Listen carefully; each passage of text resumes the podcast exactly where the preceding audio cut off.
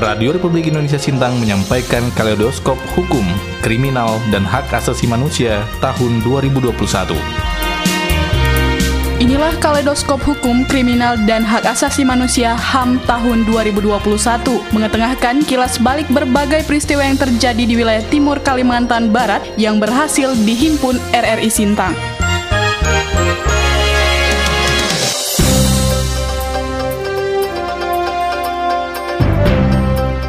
Kita awali peristiwa yang terjadi pada bulan Januari 2021. Satuan Tugas Pengamanan Perbatasan Republik Indonesia Malaysia Yonif 407 Padma Kusuma berhasil menggagalkan upaya penyelundupan 42 botol miras ilegal melalui jalur tikus di wilayah Ketungong Hulu, Kabupaten Sintang. Komandan Satgas Pamtas Letkol Infantri Catur Irawan saat dihubungi RRI Jumat 15 Januari 2021 menjelaskan miras ilegal ditemukan saat patroli di jalur tidak resmi. Anggota kami memperketat pengamanan dan terutama di anggota kami di Seria mereka melaksanakan ambus atau pengendapan lalu menemukan ada lanter di tiba-tiba anggota kami merapat ke orang tersebut. Lalu tinggalkan barang-barangnya. Begitu kami periksa kami bongkar ternyata ada 42 botol merek lemon gin Malaysia yang berhasil kita amankan masih pada bulan Januari 2021, Kasat Lantas Polres Sintang saat itu, AKP Aulia Hadiputra mengatakan, sepanjang Januari telah terjadi empat kasus kecelakaan lalu lintas laka lantas di Kabupaten Sintang, Kalimantan Barat. Untuk uh, sepanjang 2021 dari tanggal 1 lah ya, itu sampai sekarang ini sudah ada empat kasus laka lantas. Tapi kalau kita lihat di tahun 2019 berbanding dengan tahun 2020 ada penurunan laka lantas. Uh, untuk uh, di 2019 jumlah total kejadian laka lantas itu ada 40 kasus. Sementara di tahun 2020 34 kasus. Berarti ada penurunan uh, laka lantas. Itu kita lihat penurunan itu mulai wabah COVID-19 ini waktu uh, awal-awal tahun, pertengahan tahun itu kita menghimbau untuk selalu di rumah. Aktivitas masyarakat di luar pun berkurang.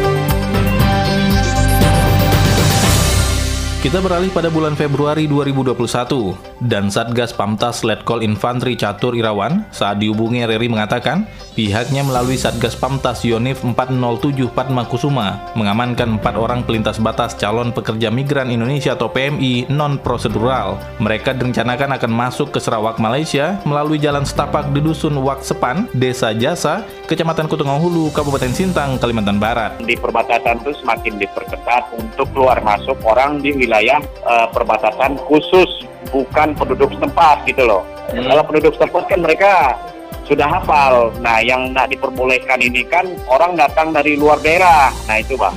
Kita juga tidak tahu kan masalah kalau dia kena COVID, nah bisa membawa masalah bagi penduduk yang ada di tempat gitu loh. Masih di bulan Februari 2021, Satuan Tugas Pengamanan Perbatasan Satgas Pamtas Republik Indonesia Malaysia Yonip 407 Padma Kusuma menggagalkan upaya penyeludupan gula ilegal dan warga negara Asia asing yang hendak kembali ke Malaysia melalui jalur tidak resmi di perbatasan. Hal tersebut dikatakan dan Satgas Pamtas Letkol Infantri Catur Irawan. Tiap-tiap pos melaksanakan patroli rutin sekitar jalur tikus di sektornya masing-masing. Kemudian di jalur tikus desa Setekam, personel kami melihat ada aktivitas orang sedang memikul karung. Namun saat kami datangi orang tersebut lari, kemudian barang bawanya ditinggal. Setelah kami laksanakan pemeriksaan dari personil tim kami, ternyata barang yang ditinggal itu merupakan karung berisi gula pasir sebanyak 20 kantung merek CSR The Better Choice Made in Malaysia dengan masing-masing beratnya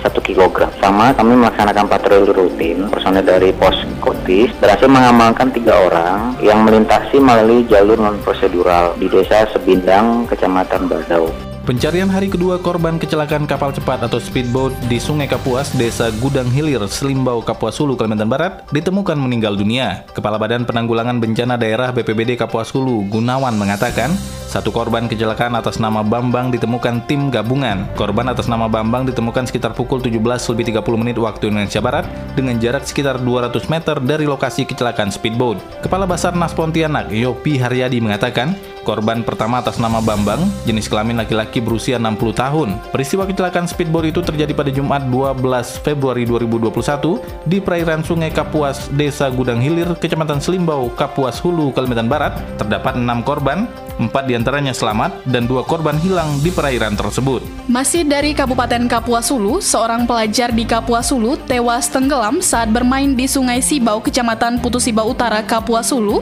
Hal tersebut diungkapkan Ketua Tagana Kapuas Hulu Muhammad Hatta saat dihubungi RRI. Kronologis kejadian korban tenggelam hari Rabu tanggal 17 Februari 2021 dan korban tersebut atas nama Randy. Korban bersama adiknya berangkat ke Kerangan Pulau. E, kemudian tiba-tiba e, si korban terpeleset dan jatuh ke sungai. E, diduga korban meninggal karena tidak bisa berenang dan menyebabkan korban mati lemas.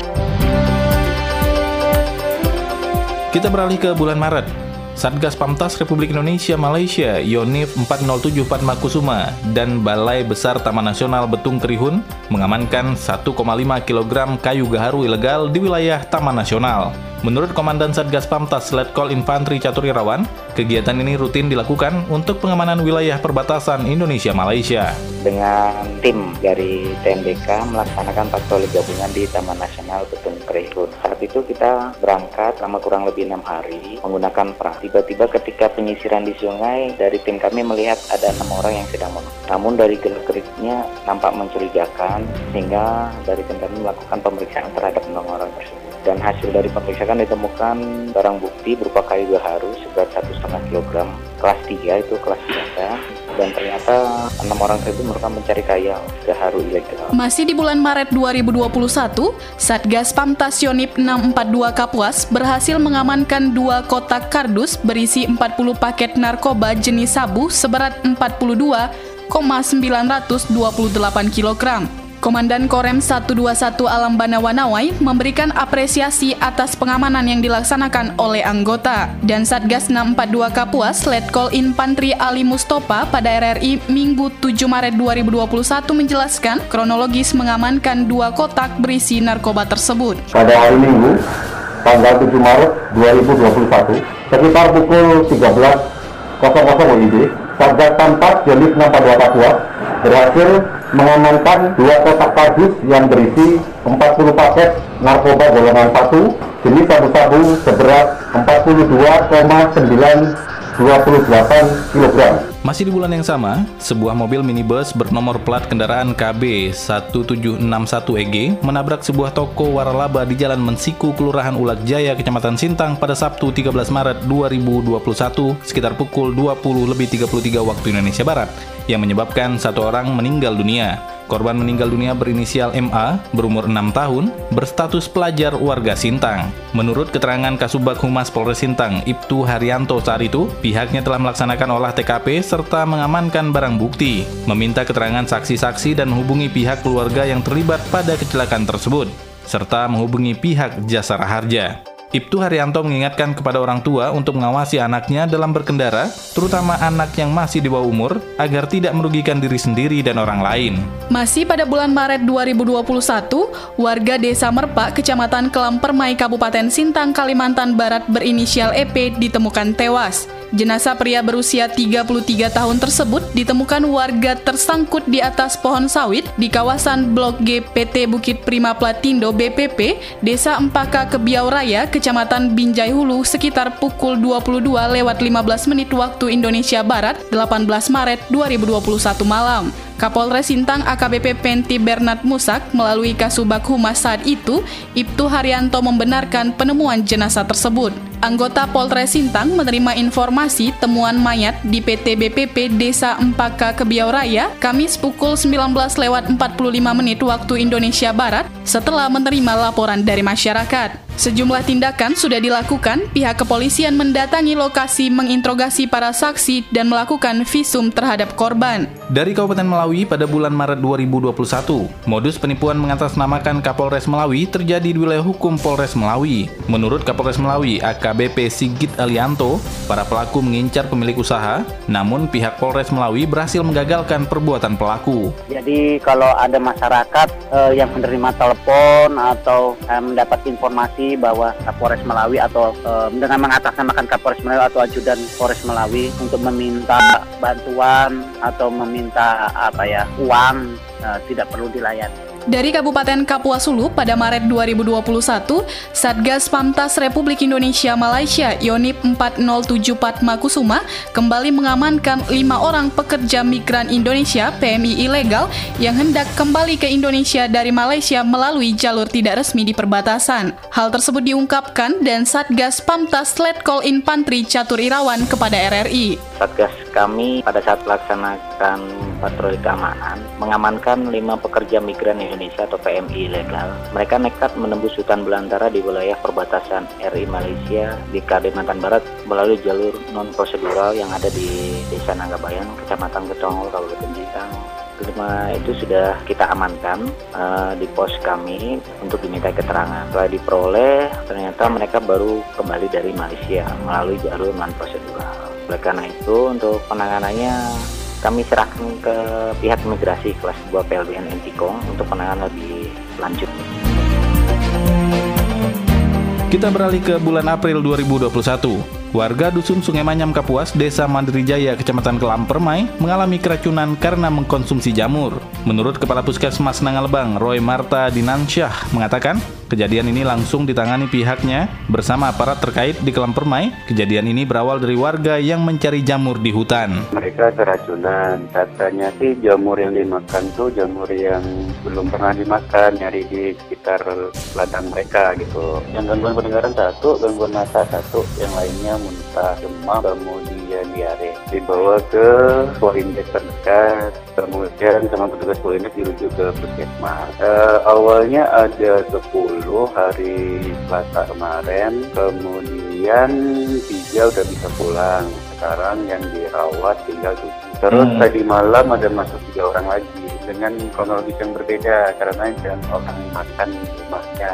Masih pada bulan April 2021, Kapolres Sintang AKBP Venti Bernard Musak mengatakan, pasca kejadian bom Makassar dan aksi terorisme di Mabes Polri, Kapolres Sintang memerintahkan kepada anggota yang melaksanakan patroli untuk terus meningkatkan kewaspadaan baik itu di sekitar Mako maupun personil yang bertugas di lapangan dalam pengamanan rumah-rumah ibadah. Menurutnya, jangan mengunderestimate sekalipun kejadian ini tidak terjadi di Kabupaten Sintang. Masyarakat Kabupaten Sintang Sintang dihimbau untuk tetap tenang dan beraktivitas seperti biasa. Kejadian yang baru-baru ini terjadi, kata Kapolres, memang menjadi kekhawatiran bersama, tapi untuk masyarakat luas diharap tetap tenang dan lakukan aktivitas seperti biasa dengan tetap mengedepankan protokol kesehatan. Mobil Toyota Innova yang dikemudikan Kepala Dinas PU Kabupaten Melawi, Hinduan Syah, saat itu mengalami kecelakaan di Jalan Raya Batang Tarang, Kecamatan Batang Tarang, Kabupaten Sanggau, Jumat 2 April 2021. Kapolsek Batang Tarang, Ibda Agustri Marsono mengungkapkan, peristiwa tersebut terjadi sekitar pukul 10 lebih 30 menit waktu Indonesia Barat. Mobil plat merah KB27J itu melaju dari arah Sosok menuju Kecamatan Tayan Hilir. Selain pengemudi, ada tiga orang lainnya yang menumpang mobil tersebut. Kapolsek mengungkapkan tidak ada korban jiwa dalam peristiwa itu. Pengemudi mengalami luka lebam akibat benturan di pelipis kiri, sementara penumpang lainnya juga mengalami luka lebam. Para korban sudah mendapatkan penanganan medis. Menjelang bulan suci Ramadan 1442 Hijriah, Satgas Pamtas Yonip 4074 Makusuma mengamankan 28 orang pekerja migran Indonesia PMI ilegal yang kembali dari negara Malaysia melalui jalur tidak resmi. Hal tersebut dijelaskan dan Satgas Pamtas Letkol Infantri Catur Irawan pada RRI. Jadi, baik itu yang melalui PMI melalui jalur ilegal maupun yaitu lewat PBN hmm. maupun yang jalur ilegal melalui jalur yang non prosedural semuanya lanjut kami langsung serahkan pada pihak imigrasi setempat yang saat ini tergabung dalam Satgas Penanganan COVID untuk dilaksanakan swab tuh. Jadi termasuk mereka melaksanakan protap untuk melaksanakan isolasi selama kurang lebih lima hari itu dilaksanakan baik yang prosedural maupun non prosedural. Kita beralih pada peristiwa di bulan Mei 2021.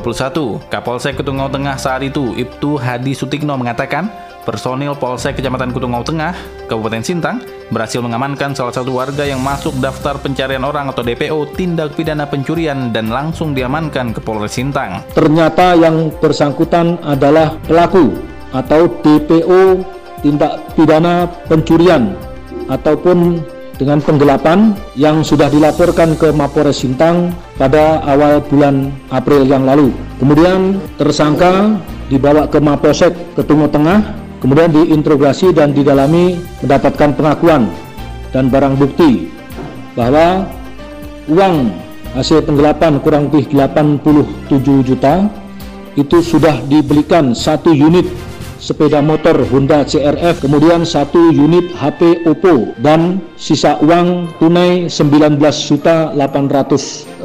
Masih di bulan Mei 2021, Komandan Satuan Tugas Satgas Pamtas Yonip 4074 Makusuma, Letkol Infantri Catur Irawan mengatakan pihaknya bersama tim gabungan Bea dan Cukai Nangabadau Kabupaten Kapuas Hulu berhasil mengamankan sebanyak 16 kg kayu gaharu ilegal saat melaksanakan patroli gabungan. Saat anggota kami melaksanakan patroli keamanan, khususnya di patok perbatasan antara Indonesia dan Malaysia, kita ada di perjalanan, setelah satu anggota kami melihat seseorang yang mencurigakan. Ketika orang itu hendak didekati, ternyata seseorang tersebut justru lari ketakutan dan meninggalkan pemeriksaan ternyata ditemukan barang bukti berupa gahayu. Masih di bulan Mei, Kepala BPBD Kabupaten Kapuas Hulu, Gunawan mengatakan, pihaknya bersama tim gabungan berhasil memadamkan api pada kejadian kebakaran dua rumah warga dan satu kios di Jalan Tanjung Pandan, Kecamatan Petusibo Selatan, Kabupaten Kapuas Hulu yang terbakar.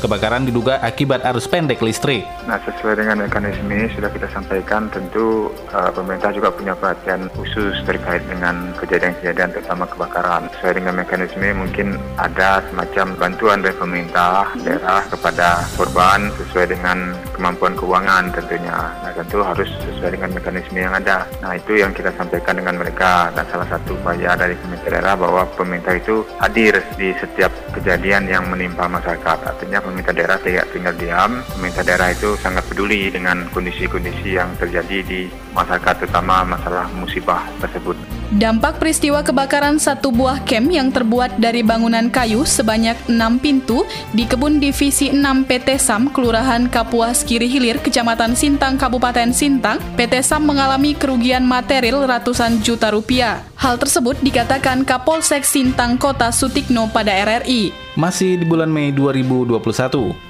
telah terjadi pembunuhan seorang bayi yang baru lahir berjenis kelamin laki-laki yang dicurigai dilakukan oleh ibu kandungnya sendiri pada Rabu 26 Mei 2021 lalu di Desa Pagal Baru, Kecamatan Tempunak. Kanit Reskrim Polres Sintang saat itu, Bripka Suparjo mengatakan, bayi tersebut diduga adalah hasil hubungan gelap antara tersangka dengan selingkuhannya. Jenazah bayi ditemukan di dalam parit pada Jumat 28 Mei 2021.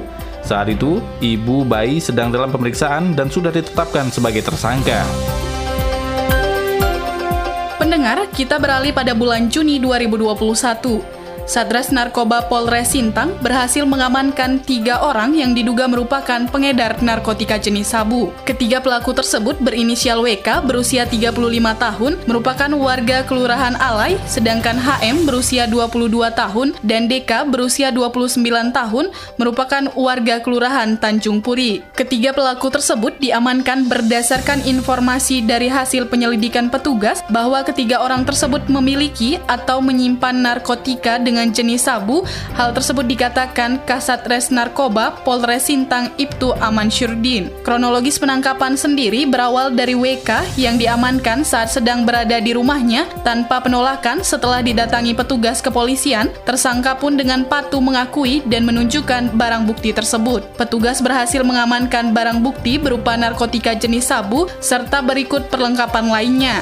Setelah berhasil mengamankan WK, tak berselang lama petugas kembali mengamankan HM dan DK yang juga diduga kuat merupakan pengedar sabu. Kedua tersangka ini diamankan saat sedang berada di rumahnya. Kronologis penangkapan bermula dari petugas membawa ketua RT setempat untuk mendatangi rumah HM di mana pada saat itu DK juga sedang berada di rumahnya. Masih di bulan Juni, Satgas Pamtas Republik Indonesia Malaysia Yonif 144 Jaya Yuda berhasil mengagalkan penyelundupan 111 botol miras ilegal yang hendak hendak diselundupkan ke Indonesia melalui jalur non-prosedural di sektor timur Kalimantan Barat. Hal tersebut dikatakan Pasi Intel Satgas Pamtas Letu Infanteri Akmi Sadu pada RRI. Barang itu ada di semak bentuknya karung putih. Berhasil pengecekan, ternyata karung tersebut berisi itu minuman keras itu. Lalu dia melaporkan kejadian tersebut kepada Kompi SSK 1. Masih pada peristiwa yang terjadi pada bulan Juni 2021, Satres Narkoba Polres Sintang mengamankan seorang perempuan asal desa Gonis Tekam, Kecamatan Sekadau Hilir, yang diduga merupakan seorang pengedar narkotika jenis sabu. FD berusia 34 tahun diamankan Satres Narkoba Polres Sintang di sebuah rumah di Dusun Tanah Putih, Desa Sepulut, Kecamatan Sepauk, Kabupaten Sintang. Kasatres Narkoba Polres Sintang, Ibtu Aman Syurdin mengungkapkan, penangkapan bermula dari informasi yang diterima oleh petugas dari masyarakat setempat sering terjadi transaksi mencurigakan yang diduga narkoba di salah satu warung Dusun Tanah Putih, Desa Sepulut, Kecamatan Sepauk. Setelah dipastikan kebenaran informasi tersebut, petugas dari Satres Narkoba Polres Sintang langsung meluncur dan melakukan penggeledahan terhadap warung milik tersangka. Dari hasil penggeledahan yang dilakukan petugas, ditemukan barang bukti berupa sebuah kantong plastik kresek berwarna hitam yang berisikan tujuh klip plastik transparan berisikan kristal putih diduga narkotika jenis sabu yang sudah dikemas. Masih di bulan Juni 2021, tim pos SAR Sintang masih melakukan pencarian terhadap Amispon yang tercebur ke dalam Sungai Pino. Menurut Kapolres Melawi, AKBP Sigit Alianto Nurharjanto, saat dihubungi RRI 20 Juni 2021 mengatakan Amispon warga desa Mandong Raya, Kecamatan Tanah Pino, Kabupaten Melawi, Kalimantan Barat, terjatuh di lantai papan kayu jembatan gantung. E, dari Polres melalui khususnya Polsek Kota Baru bersama dengan instansi terkait tetap melakukan pencarian. Ya, saat ini belum ada kabar. Neneknya ini dengan cucunya uh, mau nyebrang tapi terperosok jembatan gantung. Cucunya bisa diamankan uh, dibantu sama masyarakat sekitar yang nenek. Dihimbau pada masyarakat di sekitar TKP itu lebih berhati-hati lagi dalam melakukan jembatan gantung tersebut gitu pada instansi terkait kecamatan dan Pemda untuk segera memperbaiki jembatan tersebut. Masih pada bulan Juni 2021, Pasi Intel Pamtas Letu Akmi Sadu mengatakan, Satgas Pamtas Republik Indonesia Malaysia Yonip 144 Jayayuda berhasil mengamankan 16 orang pekerja migran Indonesia PMI yang pulang dari negara Malaysia melalui jalur tidak resmi ruas jalan sektor timur Kalimantan Barat. Kami ini kan di Satgas ini patroli. Nah, jadi pada saat kegiatan patroli itu ada dari anggota kami tempat dari sektor sektornya di jalan-jalan yang kira-kira dicurigai yang kira-kiranya dapat dilewati atau jalan-jalan prosedur uh, kami buat memperketat jalan-jalan non uh, prosedural. Pada pertengahan Juni 2021, setelah empat hari lebih melakukan pencarian hilangnya Gazi Muhammad Galib berusia 19 tahun, warga perumahan Dharma Putra Sintang, akhirnya ditemukan. Sebelumnya, pihak keluarga dibantu teman-temannya dan pihak kepolisian terus mencari hilangnya Gazi dengan menyusuri jejak terakhir. Orang tua Gazi, Nur Fajriansah mengatakan, Gazi hilang secara misterius dengan meninggalkan kendaraan yang biasa digunakannya dengan kunci masih tergantung di motor. Dia bilang kecelakaan ya, di mana uh, dekat gedung serbaguna, dia bilang. Mama sinilah dia bilang gitu, mama sinilah dia bilang. Aku ke sana, cari cari cari, tak ada. Aku dibawa, dibawa ke rumah sakit kali kan. Pergi aku ke rumah sakit tuh di belakang tuh, tidak ada yang kecelakaan, tidak ada yang, tidak ada yang tabrakan, tidak ada yang masuk gitu maksudnya. Ada yang lihat dia tuh habis dari kang alas nih, dia berboncengan dengan kawannya, dia bilang kawan siapa pun tidak tahu, tapi yang jelas pakai motor metik warna biru, kata. Jadi gojek gak tuh, yang, yang aji katanya bilang. Terus ke mana tidak tahu, itu sampai ada juga yang lihat di Jalan Taruna katanya bilang kayak Aji tapi tidak tahu lah tidak ada sih masalah apa apa cuman aku bingung nggak apa HP-nya pun tidak aktif Pendengar, kami mengajak Anda beralih pada peristiwa yang terjadi pada bulan Juli 2021. Bis Damri jurusan Pontianak Putusibau terperosok masuk jurang pinggir sungai di ruas Jalan Nasional Lintas Selatan Kecamatan Kalis, Kabupaten Kapuas Hulu. Kasat Lantas Polres Kapuas Hulu, Ibtu Doni mengatakan, supir bis tersebut diduga dalam kondisi mengantuk dan hilang kendali mengendarai kendaraan. Kejadiannya sekitar jam 04.00 WIB ya berarti masih dini hari ya. Jadi untuk korban tidak ada selamat semua. Maka tunggal, tidak sungai sih daratan memang nyungsep dia, ngantuk dia nih sopirnya. jam-jam ngantuk soalnya kan jam 4 itu. Adrian Iqbal, anak berusia 8 tahun, ditemukan tewas tenggelam di pantai Teluk Barak, Sungai Kapuas, Kelurahan Kedamin Hilir, Kecamatan Putih Sibau Selatan, Kabupaten Kapuas Hulu, Rabu 28 Juli 2021, sekitar pukul 17 waktu Indonesia Barat. Kasat Reskrim Polres Kapuas Hulu, Ibtu Imam Reza menjelaskan, Awalnya, korban mandi di pantai Sungai Kapuas, Teluk Barak bersama anak-anak lainnya dan diduga terbawa arus deras menyebabkan korban tenggelam dan ditemukan mengapung di air dalam keadaan tertelungkup dan meninggal dunia. Menurutnya, setelah dievakuasi, korban sempat berusaha diselamatkan warga dan tim gabungan yang turut serta dalam proses evakuasi, mulai dari pemasangan oksigen hingga dilarikan ke rumah sakit, namun tidak bisa diselamatkan. Pendengar, kita beralih pada peristiwa yang terjadi pada bulan Agustus 2021. Dalam dua hari berturut-turut, musibah kebakaran terjadi di Kabupaten Sintang. Sebelumnya, kebakaran menghanguskan bengkel Yanto, warga Matir, Kecamatan Sungai Tebelian, yang menewaskan anak berusia satu tahun. Selanjutnya di hari yang sama, kebakaran terjadi di gedung Tafis Quran Dak Jaya, Kecamatan Binjai Hulu, dan terakhir, rumah seorang warga di Dusun Buil, Desa Landau Bara, Kecamatan Kayan Hulu terbakar Minggu 1 Agustus 2021. Hanya dalam hitungan 10 menit, rumah milik Wel Sapri ludes tinggal arang. Camat Kayan Hulu Yelmanus membenarkan peristiwa kebakaran tersebut yang terjadi pada Minggu 1 Agustus 2021 sekitar pukul 14 waktu Indonesia Barat. Dari video amatir, kobaran api begitu cepat membakar rumah berbahan dasar kayu tersebut. Warga setempat tampak berkerumun, pemadaman sulit dilakukan dan hanya menggunakan air dari selang kecil. Tidak ada korban jiwa dalam peristiwa tersebut, namun kerugian ditaksir mencapai 70 juta rupiah. Masih di bulan Agustus, dari Kabupaten Kapuas Hulu, sepasang suami istri Nardik berusia 45 tahun dan Yani berusia 42 tahun, warga desa Sepandan, Kecamatan Batang Lupar, ditemukan tenggelam dalam keadaan meninggal dunia di kawasan Danau Sentarum, Kabupaten Kapuas Hulu, Senin 2 Agustus 2021.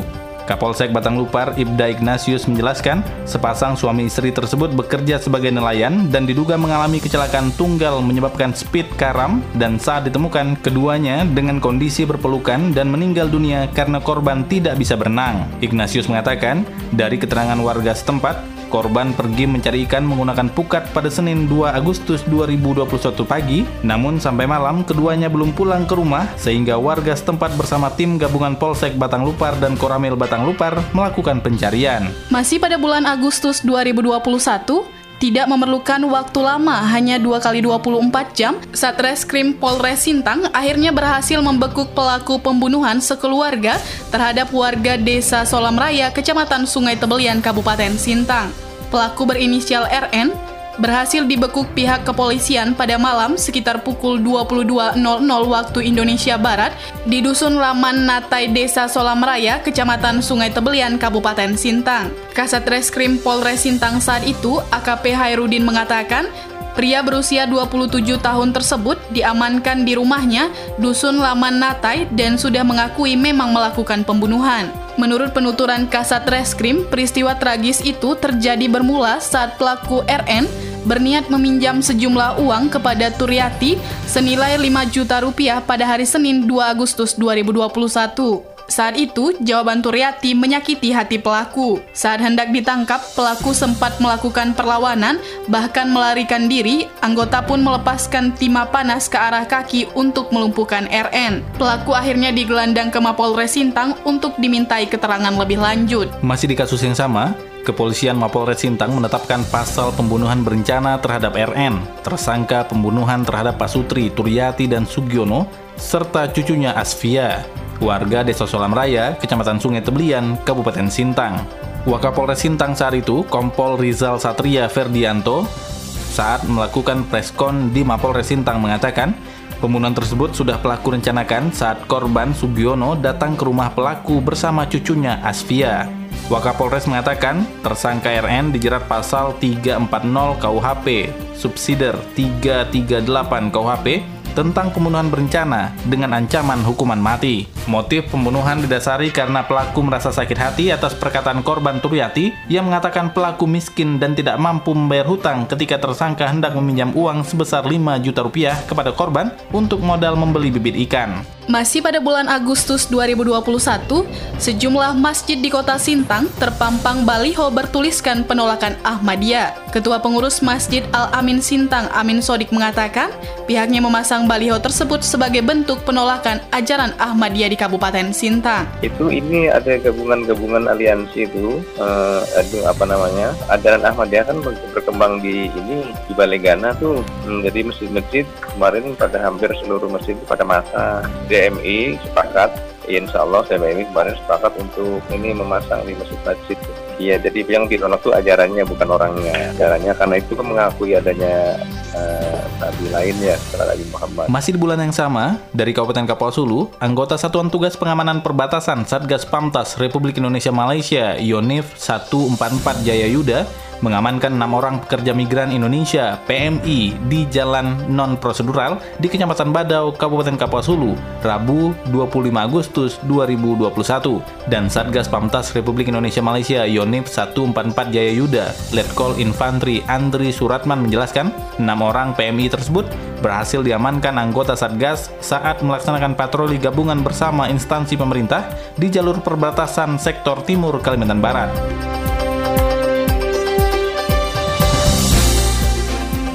Pendengar, selanjutnya kami mengajak Anda beralih pada peristiwa yang terjadi pada bulan September 2021.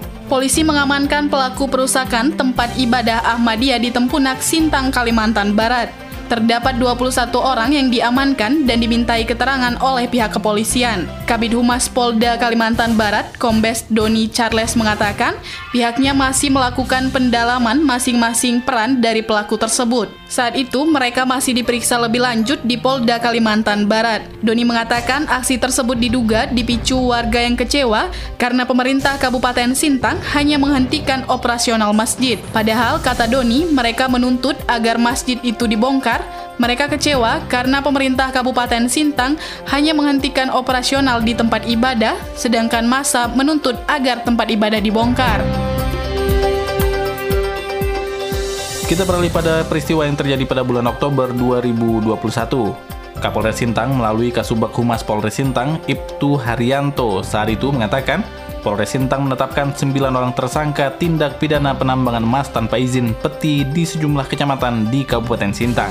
Hingga saat ini kita telah mengamankan sebanyak 9 pelaku pekerja peti yang kita amankan dari dua kecamatan. Yang pertama itu kecamatan Serawai, itu ada kita amankan empat pelaku dan kecamatan Binjai Hulu sebanyak lima pelaku. Saat ini para pelaku berikut barang bukti telah kita amankan di Polres Sintang dan saat ini juga telah kita lakukan e, penyidikan terhadap para pelaku tambang emas tersebut. Seperti kita ketahui bahwa para pekerja peti ini e, banyak sekali menimbulkan dampak yang tentunya kita rasakan khususnya di Kabupaten Sintang. Ya salah satu juga daripada tujuan operasi kita yaitu untuk menyasar para pelaku penambang emas tanpa izin ini ya yang bekerja di sepanjang aliran sungai maupun mungkin di darat ya di mana akibat daripada kegiatan tersebut berdampak kepada kerugian terhadap kekayaan dan kelestarian alam Kabupaten Sintang. Adapun tujuan operasi peti ini sekali lagi adalah untuk menyelamatkan dan melestarikan kekayaan alam Kabupaten Sintang dari kegiatan penambangan tanpa izin meningkatkan kesadaran kepatuhan hukum bagi masyarakat yang melakukan kegiatan usaha penambangan serta memberikan kontribusi bagi peningkatan pendapatan negara dan daerah dari penerimaan bukan pajak dan pajak kegiatan pertambangan. Masih pada bulan Oktober 2021, tim gabungan Kecamatan Sintang menggerebek lokasi perjudian sabung ayam di Sintang. Camat Sintang Siti Musrika menyatakan kaget melihat lokasi perjudian sabung ayam yang cukup besar berada di wilayahnya. Saat dihubungi RRI 3 Oktober 2021, Camat Sintang, Siti Musrikah membenarkan adanya penggerebekan lokasi perjudian sabung ayam tersebut melalui tim gabungan oleh aparat. Itulah sampai terheran-heran juga gitu, hanya sekitar satu setengah kilo ya dari tujuh jam itu. Di kebun karet ada tempat perjudian apa ya sabung ayam yang permanen kita nggak nggak tahu ya selama tidak ada laporan dari warga. Posisinya dia selalu tersembunyi kan? Belum di lahan-lahan yang tersembunyi. Cuma kemarin begitu lihat motor di parkir itu memang saya terheran-heran. Di kota ada arena sabung ayam sebegitu besar gitu. Dengan kejadian itu tentunya saya mengingatkan kepada para lurah KD paling tidak untuk monitor lah jangan sampai sudah sebegitu besarnya baru kita tahu ini koordinasi dengan lurah. Ini tanah milik siapa? Gitu kan masih belum terdeteksi milik siapa yang digunakan untuk karet itu Masih bulan Oktober, Pelaksana Harian Bupati Sintang Yosefa Hasnah menyayangkan dugaan korupsi dana hibah tempat ibadah oleh oknum anggota DPRD dan ASN Sintang. Ya, saya sendiri sebetulnya turut menyayangkan ada ASN yang terlibat, juga ada kawan-kawan lainnya yang terlibat di situ. Ini memang dana hibah ya tahun 2018 di dusun Belungan di desa Sementai di Sepau. Jadi memang sepertinya ada kesalahan administrasi atau apa di sana saya belum mendalami itu. Tapi betul itu ada ASN. Ada ASN masih Ada. aktif ya? Masih aktif. Masih Sehingga aktif. memang ke depan kami memang harus sering mengadakan pembinaan, mengadakan diskusi-diskusi tentang bagaimana nanti menyikapi peraturan-peraturan yang memang sering berubah juga.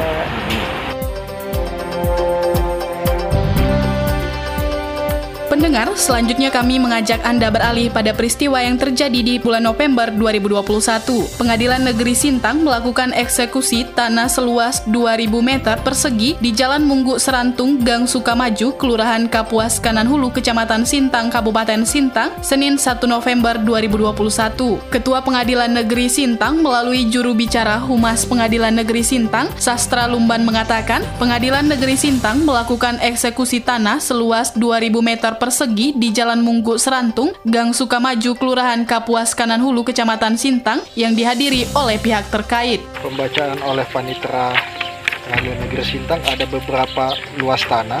Yang totalnya itu ada sekitar 2000 meter persegi. Jadi sekitar 2000 meter persegi. Totalnya dengan termohon eksekusi ada 10 orang pihak. Dengan telah diserahkannya tadi eh, objek tanah secara sukarela melalui pembacaan penetapan eksekusi maka telah selesai. Tanah ini menjadi hak pemohon eksekusi karena ini kan sifatnya adalah permohonan eksekusi real yang sifatnya hanya menyerahkan. Jadi setelah dibacakan maka secara otomatis tanah menjadi milik pemohon eksekusi. Dalam hal ini Bapak Muhammad Nur bin Mustafa Pendengar, selanjutnya kami ajak Anda untuk mengikuti peristiwa yang terjadi di Desember 2021. Aliansi Pekerja Buruh Kalimantan Barat sepakat menolak sistem UMP dan UMK yang dianggap merugikan buruh. Ketua DPC Serikat Pekerja Pelika Kabupaten Sintang, Yohanes Agustinus mengatakan pihaknya menolak sistem UMP dan UMK yang dianggap merugikan buruh. Hal ini dilakukan atas aspirasi yang disampaikan oleh para buruh yang ada di daerah ini. Kami, Aliansi Pekerja Buruh Kalimantan Barat, menetapkan dan menyepakati bersama menolak sistem UMP dan UMK berdasarkan peraturan pemerintah nomor 36 tahun 2021 dan surat edaran Kementerian Tenaga Kerja, Kementerian Dalam Negeri yang institusional menurut keputusan Mahkamah Konstitusi tanggal 25 November tahun 2021. Pendengar, mengakhiri kaleidoskop tahun 2021, sejumlah warga dikejutkan dengan temuan mayat di hutan di sekitaran pertambangan pasir desa Tertung, Kecamatan Sintang. Mayat yang sudah berupa tengkorak tersebut terikat tali di atas pohon dalam kondisi sudah membusuk Sabtu 4 Desember 2021 pukul 8 waktu Indonesia Barat. Jasad tersebut adalah Agus Salam, warga desa Kedabang, Kecamatan Sintang. Identitas tersebut diungkapkan setelah diselidiki oleh Satreskrim Polres Sintang. Kapolres Sintang AKBP Venti Bernard Musak melalui Kasat Reskrim AKP Idris Bakara mengatakan penemuan mayat di hutan sekitaran pertambangan pasir desa Tertung bermula saat Suhardi ke hutan untuk mencari kayu jengger. Suhardi mencium bau tidak sedap Lalu Suhardi memanggil Suparlan untuk mencari tahu sumber bau tersebut. Selanjutnya, Suparlan menghubungi Burhan agar melaporkan penemuan mayat tersebut ke pihak Polres Sintang. Anggota Satreskrim Polres Sintang bergegas mendatangi TKP penemuan mayat, mengumpulkan keterangan saksi, mengevakuasi mayat, dan membawa ke rumah sakit untuk dilakukan otopsi. Menurut keterangan orang-orang terdekat, korban dikenal pendiam. Sebelum menghilang, korban berperilaku yang tidak biasanya.